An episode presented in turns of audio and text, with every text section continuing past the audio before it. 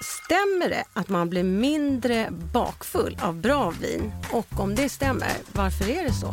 Ja, det där är intressant. Välkommen till Mat och vinfrågan, en podcast från vinbetyget.se. Idag är det dags för lyssnarna att eh, få svar på sina frågor och det är en fantastisk mix av frågor om bland annat hur får man vinet att hålla längre, smaka bättre, goda matchningar, det här som är skillnad med naturvin, vanligt vin, baksmälla och om vilket bubbel som mest liknar champagne. Mm. Vad säger vinbetyget om det här? Ja, men jättekul. Och eh, jag tycker vi sätter igång så ska vi försöka svara så bra vi kan. Ja men perfekt. Den första frågan kommer från Lena som undrar hur länge klarar sig ett öppnat vin? Måste det drickas upp inom en till två dagar? Och hur funkar det sen att använda det som matlagningsvin? Mm. Ett öppnat vin det håller olika beroende på några saker som vi kan gå igenom. Lena skriver här en till två dagar. Det tycker jag är lite snålt måste jag säga. Det, det, de flesta röda, vita och roséviner de håller i tre, fyra dagar utan problem. Är inte det lite kort? Eller går det inte att göra så att man får vinet att hålla lite längre? Jo, du kan nog få vinet att hålla upp till en vecka. Eh, alltså framför allt det som gör att vinet oxiderar och blir sämre, det är luften. Mm. Eh, när vinet är i flaskan så är det bara lite luft under korken och när vi häller upp vinet så kommer det ju mer luft. Kan man hälla över, vi säger att du har en vanlig flaska som är 75 centiliter, häller över den i en, lit, en halv flaska 37 centiliter, då blir det ju, om vi säger att du har druckit halva, mm. då blir ju den full med lätt, jättelite luft i. Mm. Och då håller det längre. Och det här kan man ju göra om det är ett vin som man tycker väldigt mycket om. Man vet att man ska jobba, man ska resa, man kan inte dricka, man, man, man, det bär emot att bara låta det stå och bli dåligt. Mm. Så att säga. Mm. Så det är ju ett sätt. Och det andra är att man ställer det, vinet i kylen. Jaha. Då dämpas liksom den här föråldringsprocessen kan man säga. Men om man då, frågan var ju också, kan man använda ett öppnat vin i matlagning? Ja, alltså du får prova det. Smakar det bra efter fyra dagar? Absolut. Smakar det bra efter sju dagar? Absolut. Men inte, gör inte det, då går det ju inte att använda. Mm. Och det finns ett ganska bra knep som jag börjat prova nu och det är att om man får vin över så kan man ta en vanlig islåda som man mm. då fryser in det här vinet i. Mm. Och då har man vinisbitar som man, när man sen gör en sås, så kan man liksom pluppa i ett par bitar där som smälter med, med grädden och vad det nu är för man mm. har den där såsen. Eh, eller grytan kan det ju vara.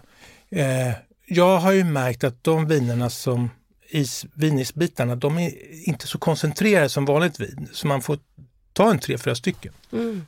Smart, smart tips. För Nikolas här har ju faktiskt också en fråga om luftning och han frågar då, blir alla viner bättre om de får luftas innan serveringen? Nej, det är främst röda viner som vinner på att få luft och då ganska unga viner. Vi säger att vi har 2020 och så hittar du på systemet ett vin som det står 2018 på eller 2017. Det går jättebra att eh, få eh, mera smak kring om man eh, eh luftar det. Och det, det är ju så att vinet har ju varit instängt i sin flaska. Och det är lite, haft det liksom begränsat där inne. Och då när det, man kan säga att man luftar, då öppnar sig, det blir mer smaker. Eh, lite som att man vädrar vinet. Mm. Och det här är inga svårigheter att lufta. Det, det kan man göra direkt i glaset om man vill. Om du säger att du ska äta middag vid sju, halv åtta och så öppnar du din vinflaska vid sex och så häller du upp i två stora glas och så står det någon timme, en och en halv. Bara den stunden gör att det öppnar upp sig och blir lite godare, lite fler nyanser. Mm. Men det här med att hälla upp i karaff? Ja, det är ju det vanliga man kanske tänker på när man luftar. Och det, det, det fina ordet är ju dekantera och det kan betyda två saker. Dels kan det betyda att man eh, häller upp vinet för att det ska eh, blomma ut och få luft. Och det andra liksom, meningen med dekantera, det är om man har gamla viner som kan ha lagringar i botten. Och då kallar man det dekantera när man ser till att man bara får med vinet och inte det här lite geggiga mojset i mm, botten. Mm, det är det. Mm. Det är så fint när man har vackra karaffer också på bordet. Mm. Och jag tycker faktiskt att alla borde prova om man ska dricka ett rött vin. Eh, eh, att, att eh, hälla upp det en stund innan och gärna ställa in bara en sekund eller två i kylen så att det kommer ner några grader under rumstemperatur. Mm. Det brukar vara ditt tips, lite svalare röda viner. Mm. Kalle, eh, han undrar hur kommer det sig att vitt vin passar bäst till fisk och skaldjur medan rött passar bäst till kött? Det här är ju en vanlig fråga hur man ska para ihop eh, mat och vin och vi har ju ett eget avsnitt om det faktiskt. Vad vi vill det är att de här smakerna från vinet och maten ska gifta sig, att det blir liksom ett lyckligt äktenskap med att de balanserar varandra och att de lyfter varandra liksom och gör varandra bättre. Eh, och då kan man ju säga att vissa maträtter och viner, de borde liksom inte ens gå på dejt tillsammans. Som vilka då? Ja, om vi säger det här att vi är ute efter att de ska vara jämnstarka. Om du tänker att du har en, en gungbräda och så på ena sidan så har du en mild fin fisk, det är en bergtunga mm. eller en piggvar. Och så på andra sidan så har du ett kraftigt rött fatlagrat vin. Och då när de här ska gunga jämt, va, då flyger ju liksom den här fisken rakt upp i himlen och tjong så åker det röda vinet av sin tyngd ner i marken. Mm. De kan liksom inte mötas. Mm. Och omvänt då också. Om vi säger att du har en grillad entrecote med mycket smak på och sen så tar du då på ena sidan av den här gungbrädan så har du den och sen på den andra sidan så har du ett lätt krispigt vitt vin och det fjong så åker det iväg också. Det kan inte balansera jämt. Och det vinet, skulle du säga, hur smakar det då? Ditt mm. vita vin till entrecote, det smakar bara saft. Mm. Men eh, du brukar ju ha bra tips. Finns det inte något sätt man kan frångå det här på? Jag tror inte man kan frångå när man har sådana ytterligheter som vi pratade om nu med en lätt, lätt vit fisk och ett kraftigt rött. De kan inte mötas. Men det finns ju, om vi tar en, en mer smakrik fisk och ett lättare rött vin, mm. då kan det bli äktenskap. Vad bra, för att vi har fått in fler frågor just vad det gäller med rött vin till fisk. Det är Maggan som säger, hej Stefan!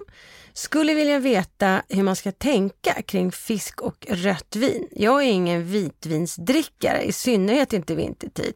Jag skulle uppskatta tips på röda viner till fisk som till exempel torskrygg. Och det är ju faktiskt även Lotta som frågar samma sak. Mm.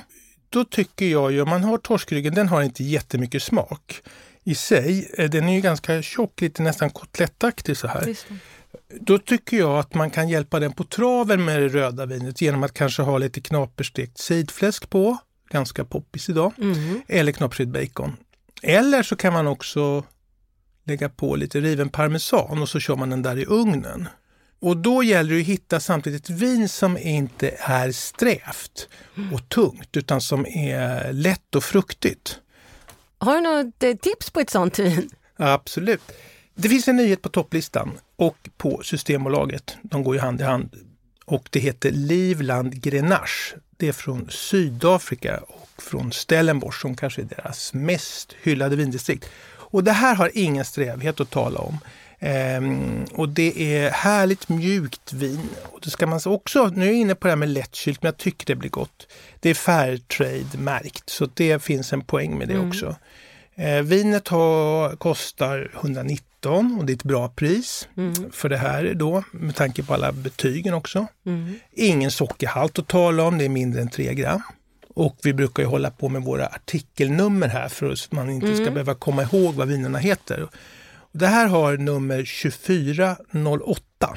Perfekt. Det är ett säkert kort. Ja, jag måste säga att jag uppskattar verkligen dina tips eh, på viner till maträtter. Och för några avsnitt sen så tipsade du ju mig om ett rödvin, eller alla oss som lyssnar på det här också, som heter Mas Chaney med den här fina åsnan på. Tyckte jag var lätt att känna igen när jag gick och handlade det.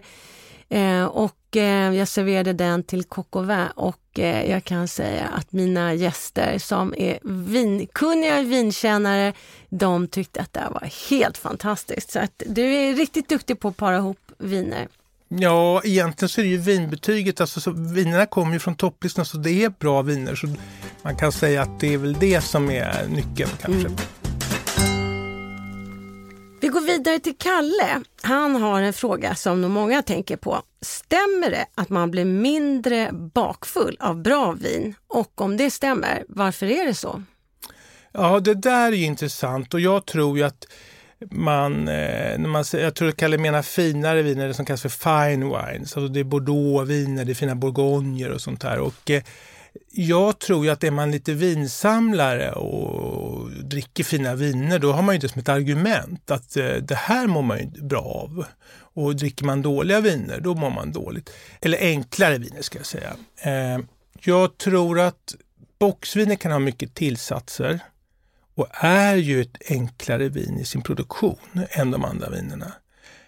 Och det finns saker i vinerna som vi reagerar olika på. Som till exempel? Ja, histaminer, tanniner och sånt här. Och det är väldigt individuellt. Jag tror att den stora boven i baksmällan, det är inte om det är ett eh, märkvärdigt vin som kostar 1000 kronor mm. eller om det kostar 100 kronor, utan det är alkoholen. Mm. Den är betydligt mera, eh, vad ska vi säga, utslagsgivande för hur du mår dagen mm. därpå.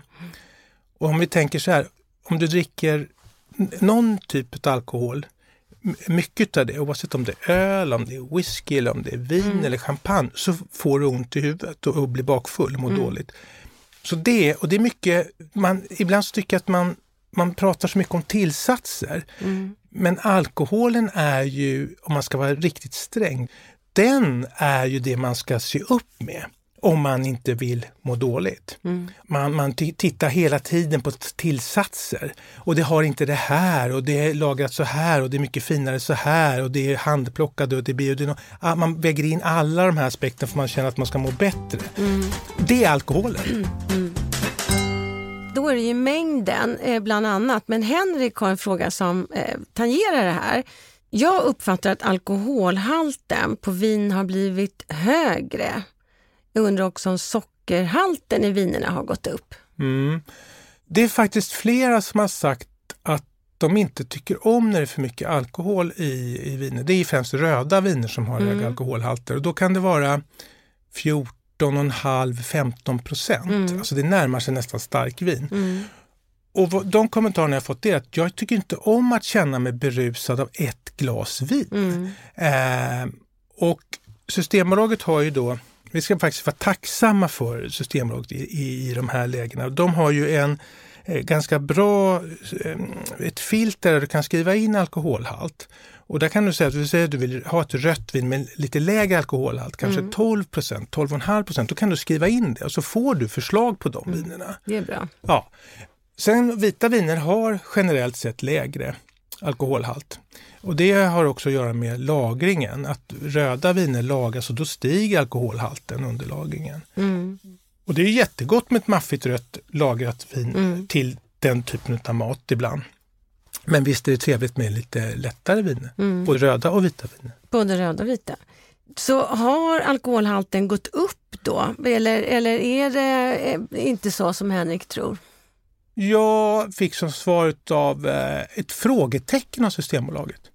De, eh, nej, det kunde man inte säga. Nej. Och det ligger nog inte i linje med vad de... De lägger ut offerter på viner. Vi säger mm. så här att de har eh, x antal vinsortkategorier så att säga i hyllorna. Mm. Då vill man komplettera det med någonting som inte finns. Mm. Och då lägger man inte ut en offert till olika eh, alltså vinproducenter att man vill ha ett vin som har hög alkoholhalt. Det så jag har jättesvårt att tro. Mm. Eh, att de skulle, så att jag kan tänka mig att det är ganska jämnt fördelat eh, mellan, eh, över åren. Mm. Sen kan jag inte riktigt bedöma hur deras sortiment generellt sett har, har utvecklats över tid. Men, så jag, jag, vet att man kan hitta viner med, med, med, med lägre alkoholhalt. Mm. Bra tips också att kunna söka så. Mm. Så alkoholhalten, det har vi pratat om, men hur är det med sockerhalten som Henrik frågar om? Har den gått upp? För eh, några år sedan så pratades det mycket om att sockerhalten i röda viner var, var väldigt hög. Och det var framförallt viner från eh, norra Italien. Röda viner från, eh, eller Amarone-viner och Ripasso-viner som mm. görs med en torkad druva mm. och då blev de söta. Och då sa man att svenskarna var tok lycka i Amarone. Det finns ingen andra länder där man, där man har, hyllar Amarone så mycket. Vi kan ju ibland få för oss saker här mm. och tycka att det är det bästa på jorden. Som den här maltwhisky-diskussionen som var för ett antal år sedan, att det var ju det enda som, som hade något värde. Och det förstår man inte alls i Skottland där man eh, liksom dricker blended och sånt där. Men, men eh, så, så jag tror ju att sortimentet har ändrats lite vad det gäller eh, Ripasso och Amarone-viner. Det är inte riktigt lika många. Och även där vill jag säga att eh, man kan lätt se vilken sockerhalt vinen har. Dels på vinbetygets topplistor så skriver vi alltid ut sockerhalten, mm, mindre än 3 gram eh, per liter. Eh, eh, och, och även Systembolaget har ju det där jättebra i sin den här filtret där du kan skriva sockerhalt. Så det går att lösa. Sen tycker inte jag man ska vara rädd för socker. Eh, det, har, det, är inte det du, man, eh, som man har mycket kalorier, det är alkoholen som har kalorier. Det är alkoholen som är boven här, både när det gäller baksmälla och eh, att man blir rund om magen. Det har att göra med alkoholen. Eh, så den lilla sockergnuttan, som är, vi säger att du har en, en Riesling då som har tre, mindre än 3 gram mm. socker, räknas som jättetorr. Och sen har du en som har 7 gram socker per liter. Det är ingenting egentligen. Va? Juice har ju 8 80% gram socker mm. per liter. Och då håller man på och bråkar om den där. Va? Jag vill inte ha söta viner. Det, är liksom, det, det, det, kommer inte, det ger ingen effekt. Utan om, eh, och varför vill man inte ha det?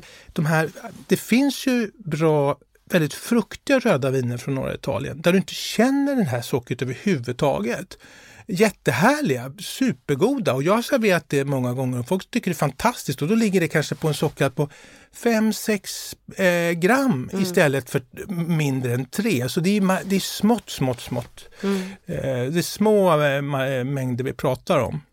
Så jag tycker Henrik kan vara lugn. Han kan eh, hitta viner som passar eh, hans alkoholnivå. Han kan hitta viner som passar sockernivån också. Elaine har en fråga om naturviner. Vad är det?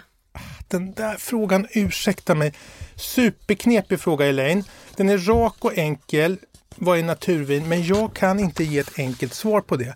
Och det har att göra med att det finns inga riktiga fastlagda regler och certifieringar för naturviner. Det gör det för ekologiska viner och för Eh, för biodynamiska viner. Men naturviner, det kan man egentligen säga om vilket vin som helst i stort sett. Det finns, EU har satt, det här är ju inte heller Systembolaget som har hittat på, utan EU har ju satt några parametrar som man bör följa. Eh, och det är att eh, druvorna ska vara ekologiskt och helst biodynamiskt odlade, alltså utan bekämpningsmedel. Eh, och så ska druvorna skördas för hand Eh, inte mm. maskiner som bullrar. Mm. Eh, och sen så ska man bara ha eh, vildgäst då från eh, druvornas skal. Och gäst, det, det, är liksom, det är naturligt också. Eh, och svavel, det, det, det blir också en konstig diskussion. Därför att när vin jäser så bildas det svavel naturligt. Och det är bra för det blir som ett konserveringsmedel. Och så kan vissa vinmakare tillsätta ytterligare svavel för att eh, förlänga hållbarheten eller dölja någonting, vad vet jag. Så det där är någonting också som får väldigt stor vikt eh, och som är svårt att ringa in. Jag tycker inte, alltså som konsument så är man, eh, in, det är inte så enkelt det här. Eh, om jag bara skulle säga det här med, med de här naturvinerna, om vi säger att, du, du, att det fanns regler, vi, säger, vi har regler i trafiken, att du, när du kör bil så ska du blinka och du ska hålla hastigheten och du ska använda säkerhetsbälte. Det räcker med att du uppfyller en av de sakerna. Ungefär som att du kör bil, du blinkar men du kör för fort och så har du inte säkerhetsbälte och då är du ett naturvin. men, men finns det många naturviner man är sugen på att testa det här ändå? Finns det på Systembolaget och ja, kostar de? Det, nej, absolut inte många. Det finns för beställning men det finns, tror jag nu, nio stycken i, i vanliga sortimentet och då är det två som är vita och sju som är röda. Och jag vet ju att du gillar provsmakningar. Mm. Så i eh, senare delen av avsnittet så har vi en provsmakning. Det blir en duell mellan ett naturvin och ett eh, traditionellt rött vin som är en god nyhet. Mm, det tycker jag låter otroligt spännande. Det ser jag verkligen fram emot. Men eh, vi fortsätter med frågorna här. Jag har en sak bara Elisabeth som jag tänkte på är man intresserad av eh, naturviner då har eh, den här duktiga författaren och journalisten eh, Mats-Erik Nilsson, han har skrivit en bok precis nu som kom ut som heter, den heter Nyfiken på naturvin. Och Många kanske kommer ihåg att han skrev en bok som heter Chateau Vadå mm. som handlade om fusk i vinvärlden. Där han gick igenom tillsatser och de här som liksom skapar en vinfamilj som har funnits i generationer som aldrig har funnits egentligen. Och så hittar man på ett franskt eller italienskt namn och så en vingård och så gör man en etikett och så har man det här ett familjeföretag som har brukat jorden och druvorna i generationer, bla bla bla. Mm. Och så finns det inte ens utan det är en liten industri istället, kanske på eh, ostkusten i Sverige mm. ligger den när man gör de här. Och det, eh, och det tar han upp och han har då gått till botten med det. Och jag tror även att han har listor på naturviner som han eh, rekommenderar. För det här är ju det är en djungel. Men du, Stefan, hur är det med eh, veganviner? Oj, det där är ett område som också är snårigt. Om våra lyssnare tycker att det här är intressant så klart så ska vi nog göra ett eget avsnitt där vi går igenom ekologiska viner, biodynamiska viner, naturviner och vi kanske pratar om veganviner som också är, ja, som är speciellt. Ja. Bra. Men det är också som allting, det är, det är lite business i det här. Mm. Det är veganvin, eller jag sätter fair trade eller jag sätter någonting annat på vinet. Och vissa uppfyller det här och gör det by heart medan andra gör det för att det är kommersiellt gångbart. Niklas Belander han har skickat in en fråga som jag tror många eh, funderar över och det är så här. Hej Stefan! Jag använder ibland topplistorna för prosecco, cava och mousserande, vilket fungerar jättebra. Men nu undrar jag, vilka av de andra icke-champagnerna liknar mest en riktig champagne? Det där, alltså museiområdet är ju jättestort. Dels så finns det ju då eh, länder som har sina specialiteter, det kommer vi in på, och så finns det druvor som är vitt skilda i de här olika varianterna. Och eh, det är också ett stort område som konsumenterna, vi säger hela den här prosecco-boomen, det vi tycker att det är gott med, med eh, mousserande. Mousserande är ju samlingsnamnet för viner som bubblar. Så, så prosecco är mousserande, champagne är eh, mousserande, cava är mousserande. Eh, så mousserande kommer inte från något land eller något eget utan det är ju bara ett paraplybegrepp. Om man ska hitta ett mousserande som inte är champagne men som smakar champagne, då Måste, då kan man säga prosecco, det, det går bort. Det är för olikt och det har med flera orsaker. Alltså dels är det ju en helt annan druva som man använder. Den heter Glera och är högst lokal för norra Italien. Och i champagne så finns ju bara tre godkända druvor och då ska man försöka hitta mousserande utanför champagneområdet eller som inte är jordar som, som, har, som använder samma druvsorter. Och det är Chardonnay, Pinot Noir och Pinot Meunier. Och om vi börjar då med Eh, ja, tillbaka till proseccon, varför den också är, eh, skiljer sig så mycket, så är, är längst ifrån champagne utav alla det är att det är en väldigt enkel process i framställningen. Det, man lagar det överhuvudtaget inte utan det är nere i ståltankar man kan tillsätta kolsyra, bara psh, så här. Eh, så så det, det vill jag vara tydlig med. Eh, om man vill vara väldigt nära, så nära man kan geografiskt champagneområdet, då kan man gå till Bourgogne. De får inte kalla sina mousserande för mm. champagne för då kommer champagnepolisen som är superarg och då kallas de crémant. Och det finns eh, flera regioner som gör eh, cremant i Frankrike. Loire gör det och Alsace gör det också. Men jag tycker ju att man ska hålla sig till den här nära champagne i Bourgogne. Och det, det, den jag skulle vilja rekommendera från topplistan som är alltid får fina betyg och är från en hyllad producent. Det är en, en pionjär, en kvinnlig pionjär, Clotilde Daven. Hon kallas drottningen av Chablis. Mm. Och hon gör ett mousserande vin som på Pinot Noir och Chardonnay, de här fina mm. druvorna, vi skulle kunna kalla dem champagnedruvorna. Och så är det traditionell metod, alltså samma metod med lagring och allt sånt som man gör en riktig champagne. Den kostar 150 kronor. Och då, då har man en, en, en, en ett bra mousserande vin som jag undrar, det skulle Niklas kunna prova med sina kompisar och ta en Clotilde Aven och en, en champagne och så se om de känner skillnad. Den har nummer, vi kommer tillbaka till numren. Det är Såklart. Vår, ja, 7725 heter den. Jag tycker det här var väldigt intressant. Det här skulle vi nog kunna göra ett eget avsnitt framöver. Mm. Ja, men vi kan ta en till, kanske två. Eh, om man tittar på eh, fler, eh, jag tror Niklas vill ha fler exempel på, vi går till Italien men inte då där där eh, proseccon görs. Prosecco har vissa regioner som är bestämda, den får bara göras där. Men i Trentino, som är en annan eh, del, där görs en, eh, som jag tror många känner igen, heter Rotariva. Och den, Reserva, den är, är, är, lagrad. Den görs på nästan enbart chardonnay med lite pinot noir. Och det är också en traditionell metod eh, på ett riktigt sätt och den lagras i hela tre år. Och den, den kostar 129 och det är väldigt prisvärt.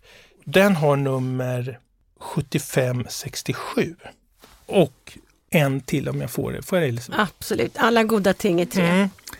Jag nämnde att länder och region har sin egen, sitt eget mousserande och Spanien har ju sin cava eller cava. Och, den, och det kan man ju komma ihåg, det, det, det låter ju som cave, alltså engelskans grotta. Och de lagrade de här förr i grottor, då, de behövde ju lagras. Och Kavan eller kavan, den är lite speciell för den, den måste inte göras eh, i en speciell region, den kan göras i hela Spanien. Och den kan göras på olika typer av druvor. Men det finns kava som görs av champagnedruvor, eh, samma sort. Och eh, då skulle jag tipsa om en som har ett extremt speciellt namn. Jag skulle nästan vilja skriva till dem och undra vad de håller på med. Cava Pinot Noir Rosé Organic 1 plus 1 är 3. Um,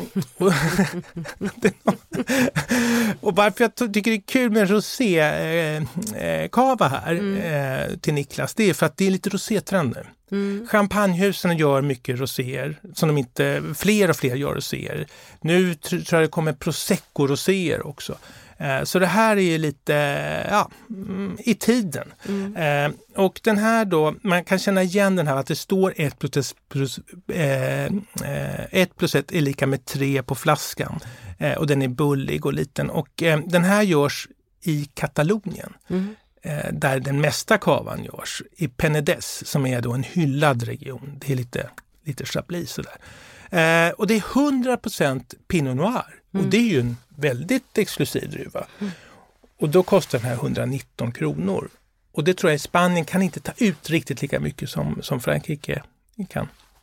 Och då, kost, eh, då har den nummer, och nu får ni komma ihåg papper och penna, 2216. 2216, det ska vi lägga på minnet. Ska vi köra provningen nu? Ja, vi får göra Och du som, som eh, vegetarian tycker jag ska vara med och prova.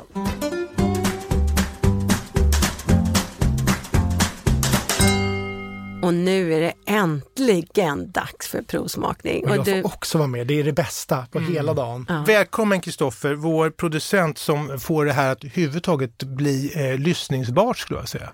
Nu ska vi titta på det här naturvinet som vi nämnde. Mm. Eh, och så ska vi titta på det röda som vi också nämnde som heter Livland Grenache. Det var ju det som gick till den här torskryggen. Och det är ett mm. nytt vin på systemet med höga betyg. Jag vet inte så mycket. Jag har pratat med importören om det här eh, naturvinet. Vad tycker ni? Hur tycker ni att det ser ut?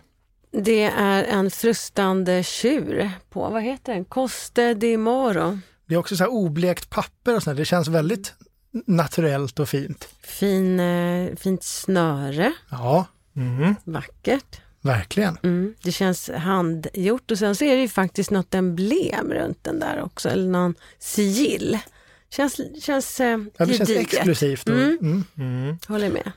Det här och så har du ju då ingen sån här metallfolie. Och så man ser ju korken direkt där det här mm. eh, orangea snöret va, eh, sitter. Och det är väldigt smart att de försöker få det att se lite naturligt ut så här med brunt papper och så. Det, om hade varit helt plast den här förpackningen och såg ut som en rymdraket kanske inte hade liksom klingat med Nej, det är sant. Mm. Eh, bra, och då innan vi provar, jag måste fråga, Elisabeth, du har provat naturvin? Mm. Mycket. Och du som är vegetarian, Kristoffer, Mm. har du det? Jag har provat naturvin, det har jag gjort. Några enstaka tillfällen. Det är inget du alltid väljer alltså? Nej, det är det inte. Nej. Det är det inte. Jag är Nej. inte helt militant. Nej. Vi ska Jag kanske se... börjar efter den här gången. Ja, och det här är ett av de få vinerna som finns på Systembolagets vanliga hyllor. Eh, det kostar 119 kronor och nu ska det faktiskt bli lite spännande att prova det här. Eh, Elisabeth, vad, har du för, vad, vad tycker du om naturvin eh, spontant sådär? När jag har, har druckit det så har det varit på, på speciella barer, vinbarer. Eh, och då har det alltid varit en, en passionerad sommelier som har sålt in de här med otroliga berättelser om hur de här har skapats och, och gjorts och producerats. eh, Så att bara de här berättelserna har nog bidragit till att det har varit Eh, Men eh, sen så kan jag tycka att det lite grann eh, påminner mig om min farmor. Ja. För hon drack väldigt mycket naturliga juicer Ja, ja. ja. eh, och eh, köpte dem på hälsokostaffär vid eh, Sankt Eriksplan och det tyckte jag var så när eh, jag tänker på min farmor när jag dricker naturviner. Vi skålar för din farmor i naturvin. Första gången för mig. Gud, det var jättegott. Det var Inte så tokigt tycker jag. Jättegott. Mm. jag är förvånad. Det här var det bästa naturvinet jag har druckit. Och då Ja. har vi inte ens, då har vi stått för hela storytellingen du och jag Kristoffer och lite Stefan. Ja. Men wow, det här Det var, var ju väldigt verkligen. gott. Vad kul att ni säger det. Det här är väl det, om jag har förstått det rätt, som också är storsäljaren bland naturviner. Eh, Det är inte med på topplistan för det har inte betyg men det skulle kunna komma med. Vad tror ni om sockerhalten då? Mm. Men den känns lite sötare. Mm, Den känns ganska alkoholig. Ja, gissa lite sockerhalt då. Det får du göra Vad, Kristoffer. är, vad är en genomsnittlig sockerhalt? Röda viner tycker jag oftast när jag ser de ligger eh, mindre än 3 gram per liter. Jag skulle i alla fall säga att det är mer. F- fem gram Mm. kanske. Det var jättenära, det är 16. Ja, det, var, det var ganska nära. Men okej, men det var roligt att ni gillade det där. Eh, och nu så blir det... Intressant med eftersmaken. Mm. Ser du? Mm. Och doften. Det doftar mindre än vad rödvin kanske normalt sett kan göra. Mm. Men det var väldigt gott. Men är det starkt också? Det, känns, det luktar Det som att det är lite väldigt- starkt. Doftar Ja, som att det är alltså, starkt. jo, Alkoholiskt. alltså, Mm. ja, 14 procent, så det, det får man säga är relativt starkt. Kanske därför det är så gott. Vill ni gå på nästa? Absolut. Mm. Mm. Och så här ser den etiketten ut. Från Sydafrika, Livland. Eh, och då har ju den det här lilla Fairtrade-märket här också. Det innebär ju då ofta att det är bra villkor för de som arbetar på vingården. Eh, den aspekten. Och jag vill bara säga det här med naturvin också. Visst är det intressant att man kan kalla egentligen vilket vin naturvin som helst och sen kan man transportera det hur som helst. Det kan gå på gamla sunkiga lastbilar va? eller ångbåtar till Mm. Sverige. Och så säger vi nu gör jag något bra för världen. Mm. Så att det där är, ing- det är en djungel. Men nu kommer vi till det här. Och då så har det en skruvkork som man har ganska ofta då. Och det har ju lagt sig lite det där med att det var en naturkork som var det enda alternativet. Det ser också väldigt klassiskt ut med sin vanliga liksom, vita etikett kontra det här oblekta pappret på naturvinet. Eller Mm. det kanske är färgat som oblekt å andra sidan. Ja, det var ju inte bra. Eh, men eh, ja, visst, en traditionell, ganska ren, snygg etikett tycker jag. ja, absolut. Vad säger ni om färgen på vinet? Livland? Grenache? Inte så färgsprakande. Precis så. Mm. Och jämför med naturvinet? Eh, Det var ju väldigt mycket Det ser mycket klarare ut. Mm. Naturvinet är ju helt ogenomskinligt. Mm, Det här mm. ser man ju till och med dig Stefan när man Mm. tittar genom glaset. En sån sak. Då är det ju så att eh, det här skulle ju vara till Maggans torskrygg Mm. med sidfläsk och kanske lite riven parmesan. Nu tar ni en tugga av det i fantasin och Mm. så tar ni en klunk på riktigt av vinet. Passar ju utmärkt till den här fisken. Bra! Otroligt vad många smaker. Ja, det Fantastiskt. var väldigt smakrikt. Det är ju mycket lättare än vad det andra är. Det, det märker man ju direkt när man liksom AB-testar dem så här. Mm. Mm. Men eh, till en god torsk Mm. att, att dricka den Det var här. ändå väldigt rikt för att vara så här Mm. lätt. Liksom. Mm. Nej men det var väldigt gott. Du talade ju tidigare om de här några fruktiga eh, viner och, och smakfulla. Den här var som en liten bomb utav, utav frukt och Ja, men Jag känner att, jag känner att det, smakar finns en sommar. lakrits Ja, eftersmak det. precis. Det Eller tycker hur? jag med. Ja. Och ni tror att man kan ta det här till, till fisken? Ni känner det? Absolut. Men jag tror inte att man ska ha någonting tyngre än en fisk till det här. Nej. Eller kanske en gurka i mitt fall. Ja, just det. Ja, men jag tror att du kan ha kanske en kyckling. Ja, det är sant. kalkon. Ja, ja. Mm. Grenache. Jag gillar grenache. Det var väldigt gott. Mm. Och nu Stefan, nu är det dags för dig att summera det här avsnittet. Mm. Det var många bra frågor och eh, jag ska försöka få med det mesta som vi pratade om. Dels har vi det här med hållbarheten på vin. Tre, fyra dagar, absolut håller det. Och häller du över vinet i en mindre flaska med ingen luftknapp, då håller det ännu längre och dessutom du stoppar i kylen. Så en vecka tror jag, sex, sju dagar.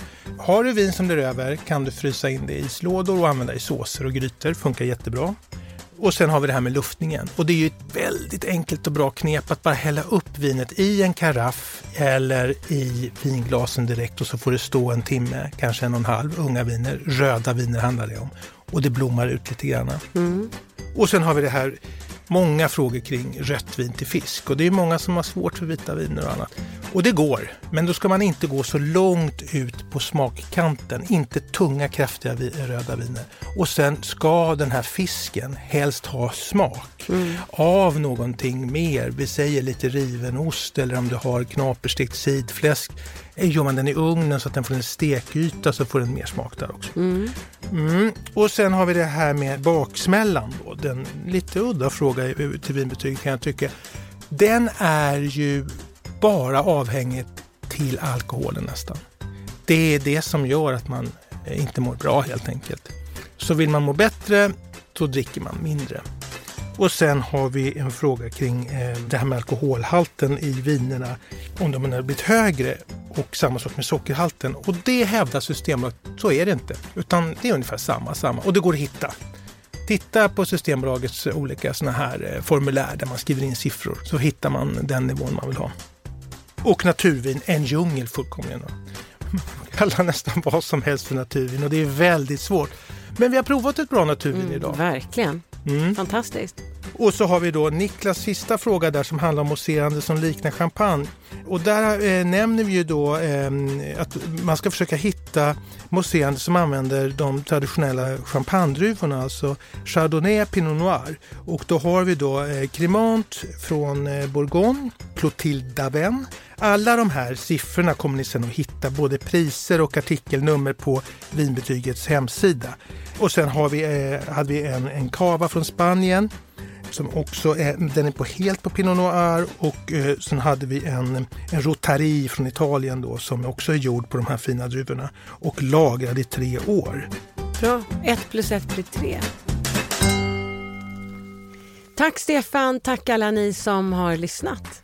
Tack alla som har lyssnat och tack Elisabeth och tack Kristoffer. Eh, vi ses snart. Hej då. Har du frågor om mat och vin? Alla frågor är välkomna. Maila till mig på stefan.vinbetyget.se